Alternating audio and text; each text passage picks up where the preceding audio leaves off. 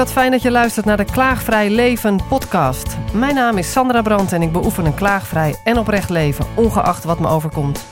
Ik ben nieuwsgierig in hoeverre onze mindset ons leven bepaalt. Volg mijn zoektocht naar de antwoorden en ontmoet bijzondere gasten met een inspirerend verhaal in deze serie podcasts.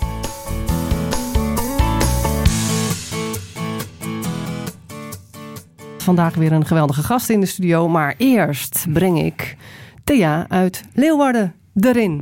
Goedenavond. Thea, wat fijn dat je er Ah, bent. Sandra. Ja, wat leuk om eh, weer bij je in de uitzending te zijn. Ja, jij was eerder een uur lang bij mijn uitzending. Dat Ja. was een nieuwe ervaring. Hè? Iemand aan de telefoon eh, een uur lang.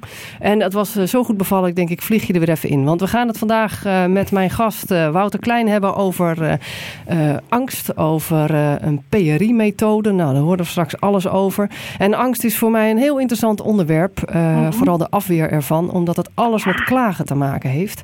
Eh, dus dat is mijn dingetje natuurlijk. Eh. Jouw dingetje is zelfliefde. Nou, volgens mij eh, Ja. zit angst daar ook wel lekker tegen aan te schuren. Ja, Dus wat, wat, en dan wat met, ja, met- wat het bij mij oproept is, is het, het oordeel wat wij hebben op angst.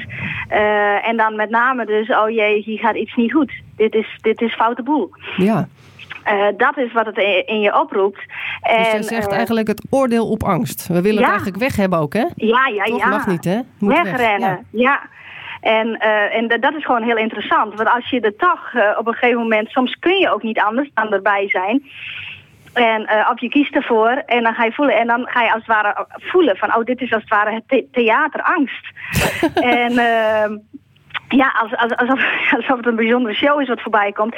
En soms is, is het ook te groot in een moment om dat te kunnen voelen. Maar als je één keer die vonk te pakken hebt van... dit is niet wie ik ben, maar dit is angst die langskomt... Hmm. ja, dan, dan komt er wel een, een, een, eh, ja, een ietsje pietje of al heel veel ruimte ontstaat er. eh, waardoor er veiligheid mogelijk is in die angst. Want angst zelf voelt gewoon niet veilig. Dus Nee. beschommelen. Ah, ja. ja, wacht Maar- even. Dus ja. angst zelf voelt niet veilig. Je zou denken, ik word angstig omdat ik niet veilig ben. Maar Nee, de angst precies. zelf voelt... Ja. Daardoor voel je je niet veilig. En als je dat ziet als een soort theater wat voor je neus voorbij komt... dan stap je eigenlijk in de positie van waarnemer. Ja. En dan ontstaat er ruimte, zeg je. Ja, ja, ja, Ja. En dan kun je ook voelen, is deze angst eh, relevant voor mij? Van doe ik iets wat ik gewoon echt niet wil? Ja. Of eh, wil ik dat juist heel graag, maar zit er bijvoorbeeld een stuk overtuigingen of wat dan ook voor? En dan kun je daar gewoon tussen kiezen van ja, wil ik dit echt? Dan kun je ervoor kiezen en dan kun je je veilig voelen, eh, ondanks de angst die voorbij komt chasen. Ja. Maar of je voelt gewoon ja, maar dit past gewoon helemaal niet bij me. En dan zou je daar een nieuwe keuze in kunnen maken. Ik ben, ik ben heel blij met jouw inzicht dat eh, de angst zelf ook zorgt voor niet veilig voelen. Dankjewel Thea daarvoor. Ik zie jou, eh, of ik hoor jou heel graag eh, Ja, in de volgende uitzending voor Lisa terug. Dan gaat het over liefde en dat is ook alles aan jou bestemd natuurlijk. Dankjewel Thea. Tot dan. Ciao. doeg. Wij gaan door met eh, Wouter Klein en hartelijk welkom in de studio. Ja, dankjewel. Jij zit mee te luisteren met Thea. En, Ja. en, en volgens mij zat je heftig ja te knikken over dat ook theater wat je voorbij ziet komen. Ja, Eh, Laat ik jou, eh, mij jou eerst even introduceren. Ik ken jou een aantal weken, want jij kwam op mijn pad en jij wilde toch ook eens heel graag jouw verhaal doen. ja. En ik dacht over de vijf angstgebieden, maar volgens mij eh, zit het net iets anders in elkaar. En over PRI. Zullen we Ja. even bij PRI beginnen? ja, laten we bij PRI beginnen. PRI is een ehm, ja, psychologie-methode, laten we het even zo noemen. Eh, ja, bedacht, ontwikkeld door Ingeborg Bos, eh, eind jaren negentig. Ehm, en dat gaat er eigenlijk over dat je in je eh, eerste drie levensjaren als kind levensbedreigende situaties meemaakt. Ehm, in de zin van geen liefde krijgen, geen geborgenheid, geen genegenheid. Je Ehm, bedoelt dat, eh, dat, dat gaat iedereen meemaken? ja, dat gaat iedereen meemaken. Eh, hoe goed je als ouder ook je best doet, uiteindelijk maakt een kind altijd wel mee dat hij een keer niet gelijk geholpen wordt. Of niet gelijk krijgt wat hij nodig heeft. En ik schrik een beetje van jouw eh, mening dat dat levensbedreigend is. Of, of, ja, of- en, en, en dat is levensbedreigend omdat het. Kijk, een baby heeft geen tijdsbesef. Oh, voor, de, voor het kind voor zelf. dat kind zelf is, is dat, levensbedreigend. voor dat kind zelf wordt dat ervaren als levensbedreigend. Eh, omdat een kind heeft, hè, zoals ik zei, geen tijdsbesef, is wel volledig afhankelijk van zijn ouders. Dus op het moment dat hij ehm, liefde nodig heeft en die ouder komt niet gelijk, of is er niet, om wat voor reden dan ook, ja, dan heeft die baby het gevoel dat hij het nooit gaat krijgen. Hmm. En voor een baby is liefde, dat is een aanname, toch? Dat hij dan het idee heeft dat het die het Nou, nooit dat, zou daar, krijgen? zijn, daar zijn, ja, heel vervelend, maar er zijn onderzoeken naar gedaan. ehm, dat dat een baby voor een baby dat echt levensbedreigend is. Op het Ik, moment dat hij ik niet... zit ondertussen te denken, waarom zei ik dit eigenlijk? Dat, hij dat, toch, dat we dat niet zeker weten. Maar het is omdat ik eigenlijk als moeder zijnde Ja. niet eraan wil... dat mijn Ja. kinderen het idee hebben gehad dat ze het nooit meer zouden krijgen. Dus ik probeer... Ja, nee, van, ja. nou ja, daar gaat eigenlijk al gelijk een afweer bij jou. Een van de vijf afweren waar we het later over gaan hebben, eigenlijk al gelijk lopen. Ik zat er middenin. Ja, dat, eigenlijk alweer waar we het eerder eh, eh, over die schuld. Want je gaat eigenlijk gelijk weer naar, oh, maar dan heb ik het fout gedaan als moeder. En dat heb ik ook. Hè. Ik heb twee zoons. 12 en 14 zijn die op dit moment. En toen ik met PRI in aanraking kwam, dacht ik ook... Wat heb ik allemaal fout ik gedaan? heb het als vader zo fout gedaan. Nou, weet je wat? Maak je verhaal af en ik hou me rustig. De eerste drie jaar. De eerste drie jaar, daar gebeuren dus een aantal dingen... ehm, die voor een baby levensbedreigend zijn... en die die baby niet wil voelen. Want als die echt zou gaan voelen... dat hij dus niet krijgt van zijn ouders wat hij nodig heeft... is dat levensbedreigend. En daardoor gaat eigenlijk het bewustzijn zich splitsen... en schuiven we eerst dat gevoel onder het eh, vloerkleed. Zo van, nou weet je, ik verdring het. Eh, en vervolgens gaan we het ontkennen. En gaan we eigenlijk dat hele vloerkleed naar buiten brengen. En dan ontstaan er dus vijf, wat wij noemen binnen PRI-land, vijf afweren. Die er iedere keer voor zorgen dat we in het hier en nu niet terug hoeven naar wat we denken dat oud is eh, eh, en een oude pijn is. Ehm, Dus je hebt het nu als volwassene over. ja, dus die vijf afweren die hebben je als kind helpen overleven. Hè, Oh, dat ik niet die pijn hoef te voelen. Ehm, alleen, eh, we breken ze niet af, die vijf afweren. Dus we nemen ze mee ons volwassen leven in. Dat doet iedereen. Dat doet iedereen. Of die wil of niet. Of die wil of niet. Eh, eh, dat doet iedereen. Ehm, alleen het eh, nadeel is dat die vijf afweren nog steeds werken. Terwijl er, nou, wat Thea net ook zei, eigenlijk in het hier en nu niks is om angstig voor te zijn. Nee. Ja, pas als er een leeuw voor je staat die je wil opeten, dan is er angst. Of op het moment dat er iemand met een geweer voor je staat die zegt van als je nu niet doet wat ik wil, dan schiet ik je dood. Dan is er angst. Ehm, Je bedoelt, dan is het nuttig. dan is het nuttig. Dan is er echt in het hier en nu een reële angst.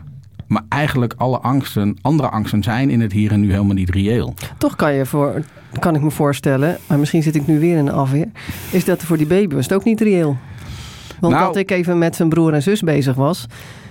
je weet dat in- baby natuurlijk niet, maar Nee, maar dus er je zijn... kan je afvragen wat de realiteit nou eigenlijk is. Nou, er zijn, eh, eh, eh, het is heel erg, maar er zijn testen gedaan, eh, onderzoeken gedaan eh, eh, in foute regimes. Waarbij ze baby's wel eten en drinken gegeven hebben, maar geen Ja, liefde, geen genegenheid, geen warmte. Ja, die gaan dood. Binnen een paar maanden gaan die Ja. baby's die gaan gewoon dood. Maar ja, Dus- dan krijgen ze het continu niet. Nee, het gaat maar- nu om de situatie waarin je even met een broer of zus bezig ja, bent. maar die baby heeft dus geen tijdsbesef. Nee, dat weet ik, ja. Die weet niet, oh, maar mama komt over vijf minuten. Die denkt, oh, maar als ik het nu niet krijg, Ja, dus dan voor de krijg ik baby het is nooit het niet. Dus voor die baby is het realiteit. En jij en ik als volwassenen weten, ja, weet je, ik ben even met eh, mijn Ja. veter aan het strikken. Of ik zit net even aan de telefoon. Of weet je, allemaal hele plausibele redenen waarom je... Ja. Maar dat weet die baby niet. Nee, precies. Oké, maar die, die ontwikkelt dan afweermechanismen om, eh, om daarmee om te gaan. Ja. Dat is dan heel nuttig. Ja. En dan vervolgens word je volwassen en dan is het eigenlijk helemaal niet meer zo nuttig. Nee, dat Want is- in 99% van de gevallen eh, staat die leeuw niet voor je neus. Nee. En zit je in allerlei afweerreacties die eigenlijk helemaal niet zo vruchtbaar zijn voor je. Nou, die eerder destructief zijn voor je. Ehm, en bij heel veel mensen valt dat nog mee. Ehm, maar uiteindelijk is het destructief. En, en komt daar bijvoorbeeld burn-out vandaan? Ja. Komt daar verslaving vandaan? Hmm. Komt daar depressiviteit vandaan? Ja. Eh, angststoornissen. ehm, eh, eh, dingen als borderline kunnen uit die afweren komen. Nou, Hmm. Dat geeft aan hoe destructief in het hier en nu die afweren zijn. Ja. En dat is natuurlijk het gevaarlijke. Toch en het heftig, hè? vervelende. Vroeger Ja, was dat het zo nuttig en dan opeens Ja. En- zit je aan de medicatie. En opeens, nou ja, en dat is natuurlijk. En nou ja, wij gaan er vanuit PRI ook vanuit dat die medicatie uiteindelijk niet de oplossing is. Hmm. En dat is hoopvol, want dan hoeven mensen niet meer aan de medicatie, weet je. Dan hoef je niet meer aan de antidepressiva. Ehm, maar ja, aan de andere kant eh, eh, is het nog even niet zo ver. Nee. En jij doet die opleiding nu? Ja. En, Ja. en, en pas je het al toe in je eigen leven? Heb je, Ja, ik pas slik het- jij medicijn? Nee, ik slik geen, ik slik geen medicijnen. Ik slik geen medicijnen. Eh, maar ik ben zelf eh, eind 2012 eh, gescheiden. Hmm. Ehm, ik kon toen heel duidelijk voelen dat het gevoel... ehm, bij mij kwam de afweer, primaire afweer naar boven. En de primaire afweer zegt eigenlijk van ja... ik krijg niet wat ik nodig heb als baby en dat ligt aan mij. Dus ik ging weer denken dat ik niet leuk genoeg ben... dat ik niet goed genoeg ben, dat ik niet aardig genoeg ben. Ehm, Waardoor je ging scheiden? waardoor ik ging scheiden. En toen kwam ik er eigenlijk achter van... maar wacht even, dit gevoel had ik ook al op mijn middelbare school... en op mijn lagere school. Ehm, en daardoor heb ik ook een hele, ja, tussen aanhalingstekens, een mooie scheiding kunnen uh, doorgaan. Zonder ruzie, zonder vechten. Daar wil ik straks meer van horen. Ja. Um, nou, we spraken eerst over PRI en over waarover je studeert. Maar waar het nu over gaat is meer jouw leven. Dat Ja. is eigenlijk nog interessanter natuurlijk. Want hoe ervaar je dit hele gebeuren wat je leert Ja. ook in je eigen leven? Ja. Je bent gescheiden en je merkte dat je toen in een soort primaire afweer kwam. Dat je dacht, ja, het ligt allemaal aan mij en ik ben niet leuk genoeg. Eigenlijk een beetje de slachtoffer, hè? Een beetje het kleine kind. Ja. Toch? klein- het ja, je bent echt weer het kleine kind. En je merkte van, nee, dat was vroeger bij mij op de middelbare school. Gedroeg ik me ook zo? Of Ja. dacht ik ook ja, dat en soort dacht dingen? ik ook dat mensen me niet leuk vonden en ik er niet mocht zijn. En eh, weet je, dat je bij vriendjes staat en eigenlijk een beetje het uitschot bent van het groepje. Mhm. Ehm, toen dacht ik, hé, maar dit herken ik. Dus toen kon ik ook naar mijn eh, ex kijken. Van, ja, maar jij bent dus niet degene die mij dat gevoel geeft. Ah, Dat is iets wat vanuit mij komt. En jij bent binnen PRI alleen maar het symbool. Jij bent degene waardoor mijn amygdala... Hè, dat, dat is het onderdeel zeg maar, in je hersenen... wat een soort eh, eh, radar is die iedere keer kijkt van... gebeurt er weer iets pijnlijks wat ik wil voorkomen te voelen. Ehm, dus dat is wat mijn ex eigenlijk voor mij was. Ze was een symbool waardoor die primaire afweer ging werken. Dus daardoor eh, lukte het je om niet je ex de Ja. schuld te geven, Ja. maar eigenlijk te kijken, hey, zij triggert iets in mijn Ja. eigen hoofd, waardoor ik deze reacties heb. Was het niet zo dat je dan jezelf de schuld ging geven? Want dat lijkt er nog een beetje nou, op. dat is natuurlijk het eerste wat de primaire afweer doet. Op het moment dat je die in de gaten krijgt, oké, maar dit is dus niet van nu. Dit is eigenlijk iets wat ik al mijn hele leven bij me heb. Dus daar kon ik toen mee aan de slag. Zo van, wat is er? En dan ga je met PRI uiteindelijk terug naar wat is er dan in die eerste drie levensjaren gebeurd. Wat is daar aan events geweest? Ehm, en toen kon ik dus, toen ik dat door had, kon ik ook zeggen, oké, maar dat is dus niet nu. Dit is niet van hier. Eh, en Dus kon het ik, is niet reëel. dus het is niet reëel. Dus ik ben gewoon goed zoals ik ben. Die Ja. baby die geboren wordt, is gewoon perfect in Ja. hoe die is. Ja. Oké, dus dat zit in me. Dus als ik dat weer kan aanraken en weer kan laten zijn. En hoe doe je dat dan? Nou is ja, dat meer een bewustwording? ja, dat is deels bewustwording. Ehm, en binnen PRI ga je dus eigenlijk iedere keer kijken van... oké, wanneer komt er weer zo'n symbool voorbij? Wanneer is het dus Ja, dus je spreekt ik... over symbolen. En dat Ja. is op het moment dat je merkt in een bepaalde afweer te schieten... of Ja. jezelf eh, te minachten misschien, jezelf de schuld te geven... dat- dat- dan is er een symbool voorbij is gekomen die dat triggert. Ja, ja, of waardoor ik opeens heel erg hard iemand ga pleasen. Of waardoor ik ga klagen. Hmm. Of waardoor ik angstig word. Dan is er eigenlijk iedere keer ergens een symbool geweest. Ja, ik heb mijn huiswerk gedaan en dat wil ik meteen maar even Ja, ja, ja, goed. delen. Eh, de amygdalae, het is een meervoud, want het zijn er twee. Het zijn amandelvormige neuronenkernen in je hoofd. Die hebben allemaal, of je nou wil of niet. En die zijn de hele tijd bezig, onbewust, reflexmatig, te kijken of het veilig is voor je. Nou, in 99,9% van de gevallen staat die tijger niet echt voor je neus. Maar in een heleboel gevallen eh, dat hij er niet staat, eh, eh, eh, doet hij wel alsof het er is. Ja. Hè? Ja. En als we dat onbewust zijn, dan wordt ons lichaam direct in eh, paraatheid gebracht om te vechten of te vluchten of te bevriezen. Hè? Dus Ja. fight, fright, flight. Ja, Eh, en dat is hormonaal. Dus je hart gaat sneller kloppen. En klotsende oksels. klotsende eh, oksels. Ja, precies. Die herken ik ook wel. En nou ja, wat er dan allemaal verder gebeurt. En zolang je dat onbewust allemaal doet, blijf je in zo'n patroon hangen. En als je dat bewuster wordt, kan je steeds iets dichter terug naar de situatie van Ja. wat is nou echt aan de Ja, hand. wat is nou echt aan de en hand? is er wel echt wat aan de hand, hè? Ja. Maar dat is wel, dan moet je heel bewust zijn van wat er in je kop gebeurt en met je lijf. Ja, en dat is, en dat is natuurlijk ook eh, het mooie van eh PRI als oplossing, is dat we eigenlijk allebei doen. Dus we gaan en eh, wa- waar je in het begin van, van als je een traject gaat doen, eigenlijk gaat doen, is de hele dag. Nou, ik loop eh, met geeltjes en een potlood rond. Alleen maar dit soort situaties heel kort opschrijven in twee woorden. Er kwam een mail binnen en ik werd bang. Of Oh ik, kwam een mail binnen eh, en ik wilde gelijk antwoorden. Ik, eh, valse hoop, hè, gelijk reageren, gelijk die ander willen pleasen. Als je dat gewoon de hele dag opschrijft en dan, Dan maakt het je bewust. dan maakt het je bewust. Dan zet je de, de innerlijke observator aan. Oh ja. En daarna ga je dat uitwerken. Eerst in je, voor jezelf en dan één keer in de twee weken in sessies met een, met een therapeut. ja, wacht even, want we gaan misschien voor Ja. luisteraars wat snel. Want voor jou en mij is Ja. het best wel logisch, want we zitten er veel mee te werken. Eh, want Thea Jorina zei ook al, eh, als je eh, gaat zien dat de angst voorbij komt, als een soort theater, hè, Ja. dat het zo op het podium voorbij schuift, dan zit je er niet meer, ben jij het niet meer, maar dan ben je de observator. Wat jij ook zegt, hè, dat je die positie neemt door heel vaak die situaties te beschrijven. Zo, heb jij, zo ben jij ermee begonnen Ja, zo eigenlijk. ben ik ermee begonnen. En in jouw scheiding heeft het jou enorm geholpen. Want wat heeft het je opgeleverd? Nou, het heeft mij opgeleverd dat ik eh, nog wekelijks met mijn ex en mijn twee kinderen kan eten. Dat wij eh, dagelijks contact hebben. Dat we ehm, Nou ja, het mooiste voorbeeld vind ik nog steeds dat ik vorig jaar kerst, dus niet afgelopen kerst, maar de kerst daarvoor, had mijn ex in Brussel uh, een appartement gehuurd voor een weekje. Uh, en ik ben daar kerstavond naartoe gegaan en we hebben met z'n vieren kerst kunnen vieren. Dat is toch Samen eten. En dan denk ik, volgens mij is dat zo mooi als je dat je kinderen kan meegeven. Prachtig, ja. Dat je op die manier ook kan scheiden. Maar moet het dan niet... niet zo zijn dat de ander ook hiermee bezig is op die manier, nou, die moet, of niet? Ja, die moet wel ook dit stukje bewustzijn hebben.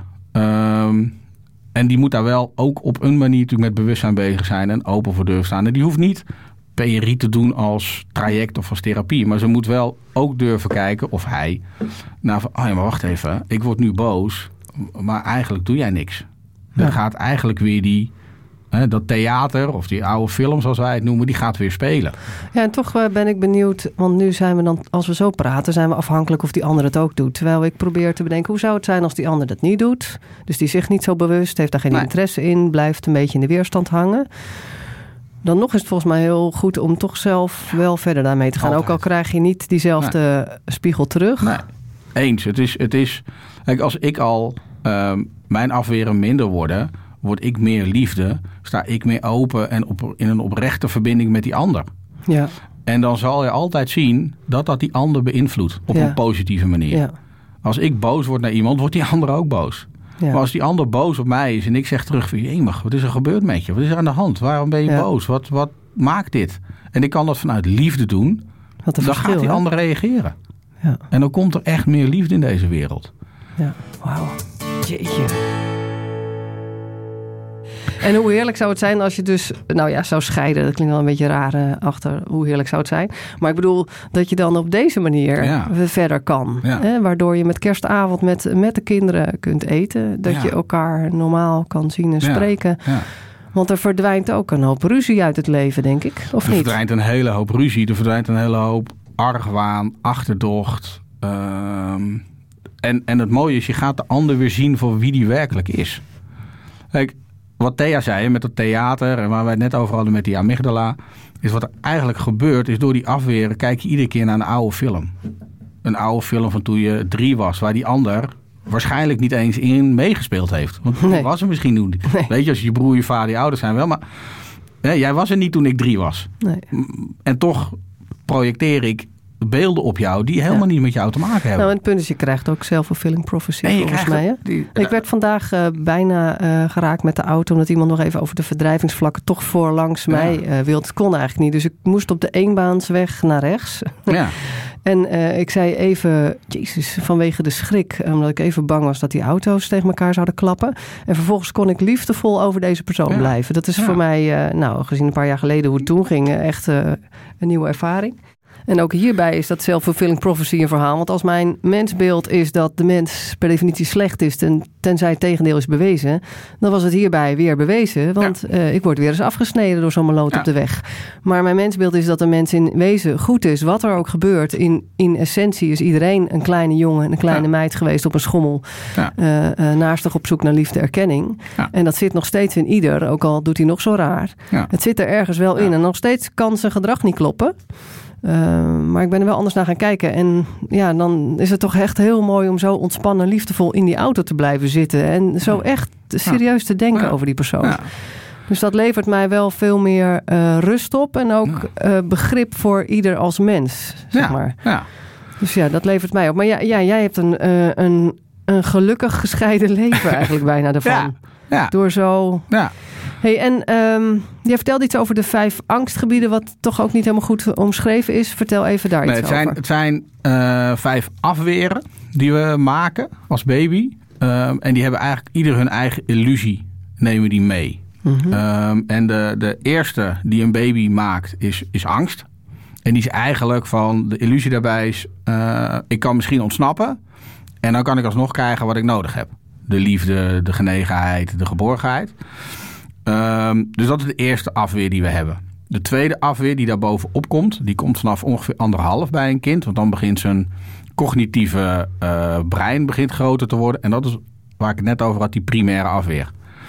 En die heeft als illusie, ik krijg niet wat ik nodig heb. En dat komt door mij. Het is mijn schuld. Ik ben stom. Ik ben dom. Zo had ik, als jouw voorbeeld net van die auto. Ik zou nooit boos geworden zijn op die ander, maar op mezelf. Ja, Oh, ja. sukkel Wout, je had hem ertussen moeten laten. Waarom Ja, duw je ja. hem nou door? Oh. Dus dat is mijn afweer. Nou, dat is een hele vervelende afweer. Die heeft heel veel pijn en verdriet brengt die bij jezelf. Ja.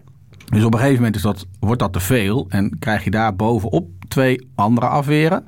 En de ene is valse hoop en de andere is valse macht. En valse hoop heeft als illusie bij zich, ik krijg niet wat ik nodig heb. Maar als ik nu maar heel hard mijn best ga doen, heel Oh ja. lief ga zijn, heel aardig ga zijn. Een beetje de redder spelen in het de drama. redder spelen, de Ja. pleaser, degene die eh, Die herkennen we vast wel allemaal. 80 uur per week werkt en eh, niet kan stoppen.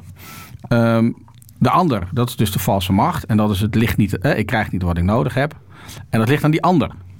Als die nou maar mij ertussen gelaten had. Als die eh, op tijd was geweest. Ehm, nou, weet je, daar komt woede, daar komt argwaan, daar komt sarcasme, cynisme. Eh, dat zit allemaal in die hoek. Roddelen, weet je, dat is Ja. allemaal daar. Ik ben goed, hij is fout. Ik ben goed en hij is fout. De weet je. aanklager. De, aan- de aanklager. Daar zitten echt de klachten. Zitten, nou, Ja. Klaagvrij, dat zit veelal in die hoek. En dan hebben we nog eh, de bovenste, dat is de vijfde. Eh, en dat is ook vaak de meest moeilijk om te herkennen. Dat is namelijk de ontkenning van behoeften. En dat is eigenlijk, eh, ik krijg niet wat ik nodig heb, maar ik heb ook helemaal niks nodig. Terwijl stiekem toch wel zo Terwijl stiekem er wel heel veel is. En dat kan je vaak herkennen bij mensen doordat ze geen passie hebben. Dat ze eigenlijk niet voluit leven. Dat ze eigenlijk niet weten waar ze het voor doen. Een beetje murf gemaakt. Beetje murf geworden. gemaakt. Eh, weet je, ik heb wel een leuke auto. Ik heb een leuk gezin. eh, dus wat klaag ik? Hè, waar Maar van binnen druk- toch niet helemaal gelukkig zijn. Maar van binnen niet echt leven. Klopt het niet helemaal. Over die het laatste vind ik, dat vind ik wel interessant om daar zo eventjes op Ja. door te gaan. Welke muziek had je nog meer meegenomen van ehm, Earth, Wind Fire? Ja, dat is altijd een lekker nummer. Eh, Miracles. Miracles. En dat, ehm, ja, dat, het- wat ik daar een heel mooi stuk in vind, als ik dit nummer hoor, als ik die tekst hoor, dan hoor ik eigenlijk een vader die bij zijn kind aan het bed zit voordat hij gaat slapen. En hem nog even meegeeft, jongens, weet je, het mooie gaat nog komen. Je gaat nu slapen. Hè? Eagles in the Fire is natuurlijk een christelijke band van origine. Eh, je bent dicht bij de hemel, dus geniet. Ehm, en laten we de kinderen ook laten genieten zoals ze kind zijn. En niet allerlei beelden van onszelf opgeven, maar laat ze gewoon zijn wie ze zijn. Ehm, we, we hebben het over ontkenning van behoeften. Dus over mensen, Ja. eh, misschien luistert er iemand die denkt... het gaat toch allemaal wel goed, maar ergens onderliggend voelt het niet oké. Nee. Eh, maar je ontkent dat je iets nodig hebt. En Ja, waarom je- zou je dat ontkennen? Omdat het te heftig is om te zien Ja. dat je wel wat nodig hebt. Is dat het? Ja, dat is natuurlijk vaak het probleem. Kijk, onderaan, onder die muur zit uiteindelijk die, die oude pijn. Dat verdriet wat je als babytje hebt gehad. En dat wil je wegmaken. En als eerste komt de angst. Nou, die redt het op een gegeven moment niet meer. Dan redt de primaire afweer en de andere ook niet meer. En dan kom je dus uit in de ontkenning van behoeften.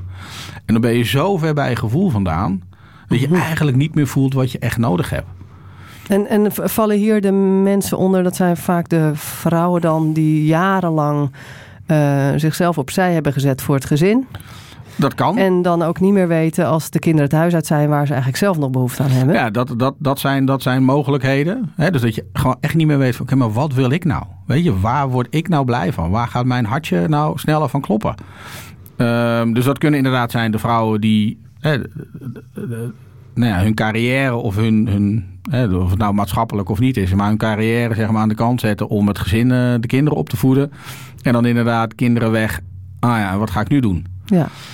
Maar ik kan me ook Ehm, voorstellen, ik, ik ken er wel een paar eh, mannen in het bedrijfsleven die ook zichzelf helemaal kwijt zijn. Oh, en ik de denk hele het- link met hun signalen Ja. van hun lijf niet meer kennen. Nou ja, de- ik denk dat er een heleboel Altijd maar zijn. meer, meer, Ja, harder werken, meer carrière. maar eigenlijk voorbij lopen aan wat hun lijf al die tijd al fluistert. Nou ja, dat is natuurlijk waar heel veel eh, lichamelijke klachten eigenlijk vandaan komen. Weet je, waarom heeft iemand last van zijn knie en loopt hij daar een jaar mee?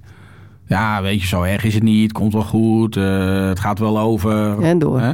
Voordat ik een meisje ben, is het wel over. Oké, maar en doorgaan, maar eigenlijk niet meer luisteren naar wat dat lichaam nou eigenlijk roept. Want dat roept eigenlijk stop. Ja. Alsjeblieft, stop, ik trek het niet meer. ja.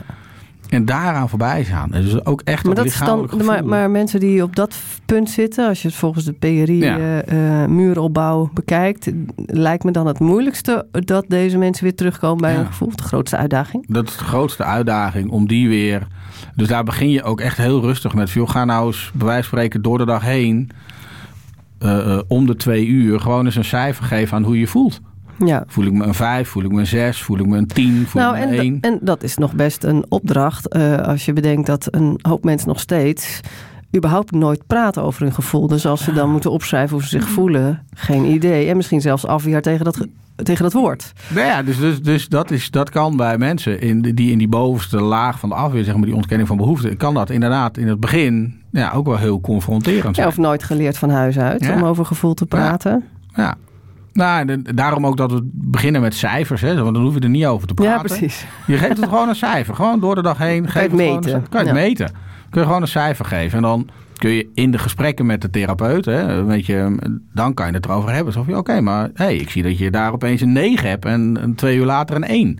Weet je nog wat er gebeurd is in die twee uur die ertussen zitten? En, en in, in jouw beleving eh, zit het hem dan altijd in de connectie met de eerste drie jaar van je leven. Ja, daar zit iets wat je wegmaakt. Ja. Ehm, en eigenlijk uiteindelijk gaat PRI er niet over dat je die eerste drie levensjaren moet overdoen. Nou, PRI heeft uiteindelijk als doel dat je het hier en nu gaat beleven wat het werkelijk is. ja. Verras het onbelast. Want eigenlijk is er hier 9 van de 10 keer niks aan de hand. Nee. Dus dat Dus- je dat telkens jezelf inprent, nu is er niks aan de hand. Nu is er niks aan de hand. En Ja. jammer genoeg heb je daarvoor eh, eh, nou, wat beelden uit die eerste drie levensjaren nodig om te kunnen zien van, oh ja, die amygdala, die amygdalie, Am- Amygdalae. amygdalae, waar we het eerder over hadden, die slaat weer onnodig alarm. Ja. ja. En en je angst voorbij zien gaan op het toneel. Juist. En dan heb je de cirkel eh, rond. En dan kan je gaan zakken. En ja, dat, dat, nou, dat kan je echt heel veel opleveren. Oké, en deze opleiding die je aan het doen bent, straks ben je therapeut, dan Ja. hoop je een hoop mensen van de medicatie af te helpen ja, heel waarschijnlijk. graag. Heel graag. Als dat zou kunnen. Hoe lang is die opleiding? Die is vier jaar. Ehm, en daarna heb ik nog twee jaar om te certificeren. Zo. En ik ben nu bezig met mijn derde jaar. Ehm, En ook al werkelijk in praktijk bezig met, eh, met cliënten. Ja. Eh, dat is echt wel een wezenlijk onderdeel van, eh, van de opleiding. Een beetje à la autorijden. hè. Je kan weer theorie hebben, maar uiteindelijk moet je het wel Ja, je moet in de praktijk op de weg Nou, en in je doen. eigen leven elke En keer in mijn eigen leven, iedere keer weer, iedere en dag want je bent nog steeds met die geeltjes bezig? Ik ben nog steeds met die geeltjes bezig, omdat ook ik nog steeds tegen dingen aanloop. Kijk, weet Ja. je, uiteindelijk helemaal van je afweren, dat gaat niet lukken. Nee, weet je, afkomen dat, van je afweren. Nee. dat zou heel fijn zijn, maar dat, daar heb je meer dan een mensenleven voor nodig. Ja, want dat zei eh Thea aan het begin ook. Van, je wil er eigenlijk wil je er niet aan. Hè? We hebben allemaal een oordeel op angst. Ja. We willen er allemaal vanaf. Ja, je wil allemaal weg. En dat is eigenlijk ook wat jij doet. Je probeert er vanaf te komen. Ja, niet zozeer van mijn angst, eh, maar ik probeer meer te zien van, oh ja, nu wordt er angst geactiveerd en er is nu niks aan de hand. Je bent aan het oefenen om in de waarnemer te blijven eigenlijk. ik, ja. ik, ik wil proberen om het hier en nu waar te nemen voor wat het werkelijk is. ja, precies. En dan zal je zien dat nou, ja, Nou, en dat- 95% die Ja. angst irreëel is. Ja, en dat is nog een leuke trouwens, want ik ben daar ook mee aan het oefenen vanwege dat klaagvrije interesse die ik heb. Met dat afsnijden op die weg. Jij zegt van probeer de realiteit te zien zoals die is. Maar iemand die nog een beetje in een negatieve eh, sfeer zit te denken, die ziet deze realiteit, het afsnijden, als ja, hallo, maar dit is toch die tijger op de weg, want ik zat er bijna klem. Ja, Hè, maar, dus wat is de realiteit? Hè? ja, maar de realiteit is dat, ehm, en daar zit, daar zit natuurlijk uiteindelijk het verhaal achter, is dat voor die baby was die oude realiteit levensbedreigend. Als jij net een botsing had gehad, even heel cru, blikschade enzovoort, maar 95 van de 100 ongelukken volgens mij zijn niet levensbedreigend.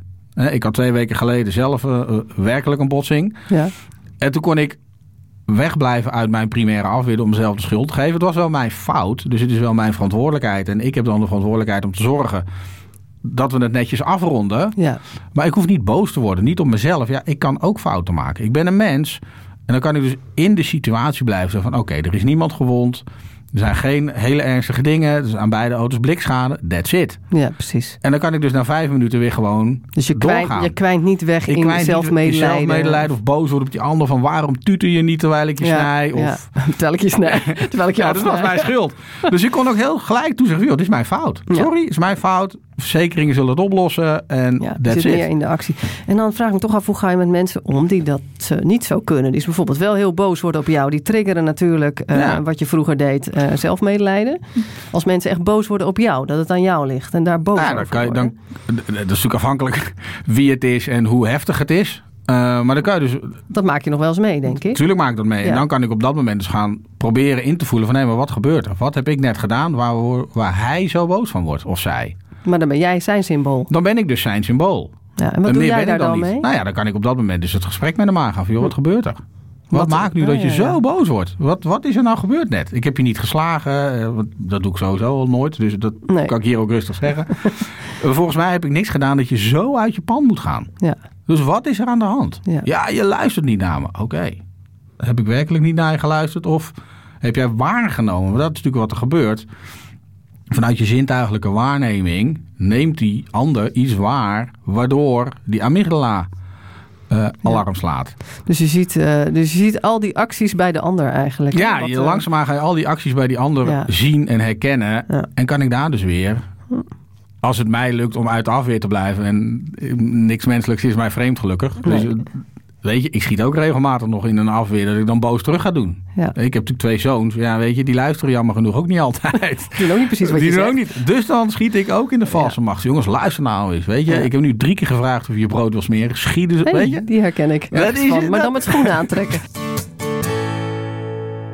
Waar kunnen mensen eventueel jou vinden mochten ze vragen hebben hierover? Eh, nou, ze kunnen mij gewoon mailen op wouterv.klein. En klein is met eh, eh, een lange ei, dus zonder een, een e. eh, at gmail.com. Ehm, meer over PRI ze vinden op prionline.nl. oké. Ehm, en daar, nou, er zijn al redelijk wat eh, eh, therapeuten in Nederland. Dus ik kan me ook voorstellen dat mensen zeggen ja, Haarlem, ik vind het misschien wat ver. Nou, er zitten er ook eh, in Leiden en andere steden zitten therapeuten. Ja. Nou, ik denk dat ik het nog even op de Facebookpagina van het Ja. Heldere Uur zal Nou, zetten. En fijn. ook ehm, eh, jouw tekst die je mee hebt genomen over die, eh, eh, die muur van ontkenning, Ja. noem je het. Hè? De afweermechanisme. Ja. Het is toch wel heel interessant. En voor sommige mensen gaat het misschien te snel, maar het is wel interessant. En je wil gr- graag meer lezen waarschijnlijk. Ja, dus dat kan ik voor je doen. nou heel graag. Ehm, en ja, ik ben ook heel benieuwd wat er verandert als je weer een jaar verder bent. Want je zit nou in je derde jaar. ja, Eh, je, je krijgt cliënten steeds meer. Ja. Ik ben ook benieuwd of, je, of jij nou steeds minder vaak zelf in de afweer gaat. Of hoe die ontwikkeling gaat. Dus wie weet kan ik jou een keer inbellen in de studio. nou ja, heel graag. Heel graag. Heel graag. Ehm, is er nog iets wat je kwijt wil? Of wat we niet hebben benoemd over dit gebeuren? Ehm, Of hebben we eigenlijk wel alles nou, volgens mij hebben we eigenlijk alles wel, wel aangeraakt waar het, waar het over gaat. Waar Ja. het over gaat. En, en nou ja, ik denk dat uiteindelijk als mensen rustig gaan voelen bij zichzelf, dat ze daar wel heel veel eh, van, eh, van gaan, gaan merken ook. Zo van, oh ja, daar schiet wat of daar gebeurt wat. Ja. En dat is zeg maar die innerlijke observator. En als je daar gewoon rustig over gaat nadenken, dan gaan er volgens mij vanzelf wel dingetjes, kwartjes Zie je, dus zie je het eigenlijk als een theater, zoals Ja. Thea nog zei. Ja, En zie je emoties voorbij komen. En dan hoef je er niet meer zo aan te hechten eigenlijk ook, hè? dan kan je ze echt langs laten gaan. Ja. Van, oh ja, dit is, hier is iets gebeurd. Eigenlijk niks aan de hand. Ja. Dus laat ik weer gewoon... Maar dat betekent ook dat je agenda een beetje leger moet, denk ik. Want als je het te druk hebt, Ja. dan ben je ook te druk in je Nou ja, hoofd. Dan kun je ook niet goed de waarnemer zijn. Eens. En er zijn natuurlijk heel Ja. veel, er zijn natuurlijk genoeg mensen hè, met burn-out. eh, weet je, daar zit echt wel die agenda. Ik ken het zelf. Hè. Ik organiseerde drie voetbaltoernooien en zes tennistoernooien in een Ja. jaar. eh, naast eh, de kinderen en een 40 uurige werkwerk. Dus bezig met mezelf was ik niet. Nee, nee, dat moet eerst even een en beetje een en tandje lager. Kan, en dat kan lager. En Ja. dan kan je op een gegeven moment gevoelen... oké, maar ik doe het omdat ik het leuk vind. Ja, precies. En niet meer omdat het moet. We gaan doen wat we leuk vinden Ja. en niet meer alleen maar de dingen die we doen omdat het moet. En ik wens je een hele fijne avond.